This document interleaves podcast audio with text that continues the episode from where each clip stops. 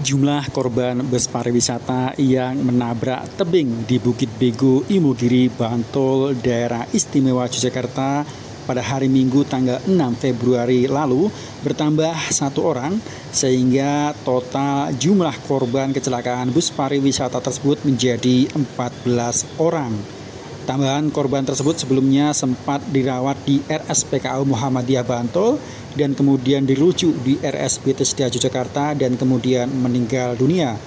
Saat ini semua korban sudah diperbolehkan pulang ke rumahnya masing-masing sehingga sudah tidak ada lagi yang dirawat di rumah sakit di Bantul. Kapolres Bantul AKBP Ihsan mengatakan bahwa dalam kasus kecelakaan ini polisi menetapkan sopir atau pengemudi bus yaitu Ferry Wasito sebagai tersangka. Kecelakaan tersebut berdasarkan penyelidikan merupakan kelalaian dari sopir ataupun dari pengemudi.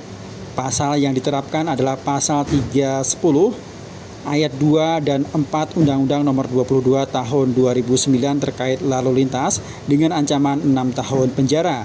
Namun karena sopir ikut menjadi korban meninggal dalam kecelakaan tersebut, maka kasus ini di SP3 Berikut keterangan dari Kapolres Bantul AKBP Ihsan. Uh, yang meninggal dunia ada 14, ada tambahan satu. 14 yang meninggal dunia, yang lainnya sudah uh, kembali atau menjalani rawat jalan. Sebagian besar sudah sembuh. Itu yang pertama.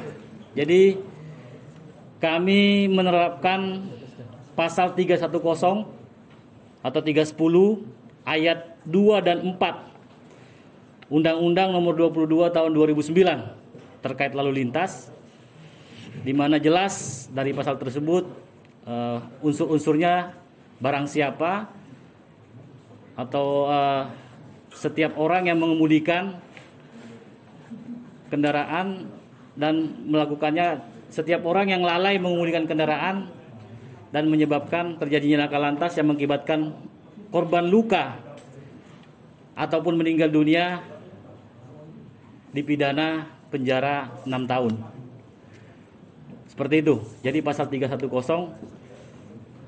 ayat 2 dan 4. Kemudian yang kedua, hasil gelar perkara yang kedua adalah sehubungan dengan penerapan pasal tersebut tentunya ada tersangka. Nah, di sini kami menetapkan pengemudi saudara P Periwaskito ya. Ya, Periwaskito, Periwaskito. Kita sudah cek ke ini. Apa ya? ya PW-nya itu mungkin rekan-rekan sudah tahu lah. itu kami tetapkan sebagai tersangka. Kami tetapkan sebagai tersangka dan karena yang bersangkutan telah meninggal dunia atau ikut menjadi korban tentunya kasus ini akan kita SP3 karena ini juga sesuai dengan perintah undang-undang.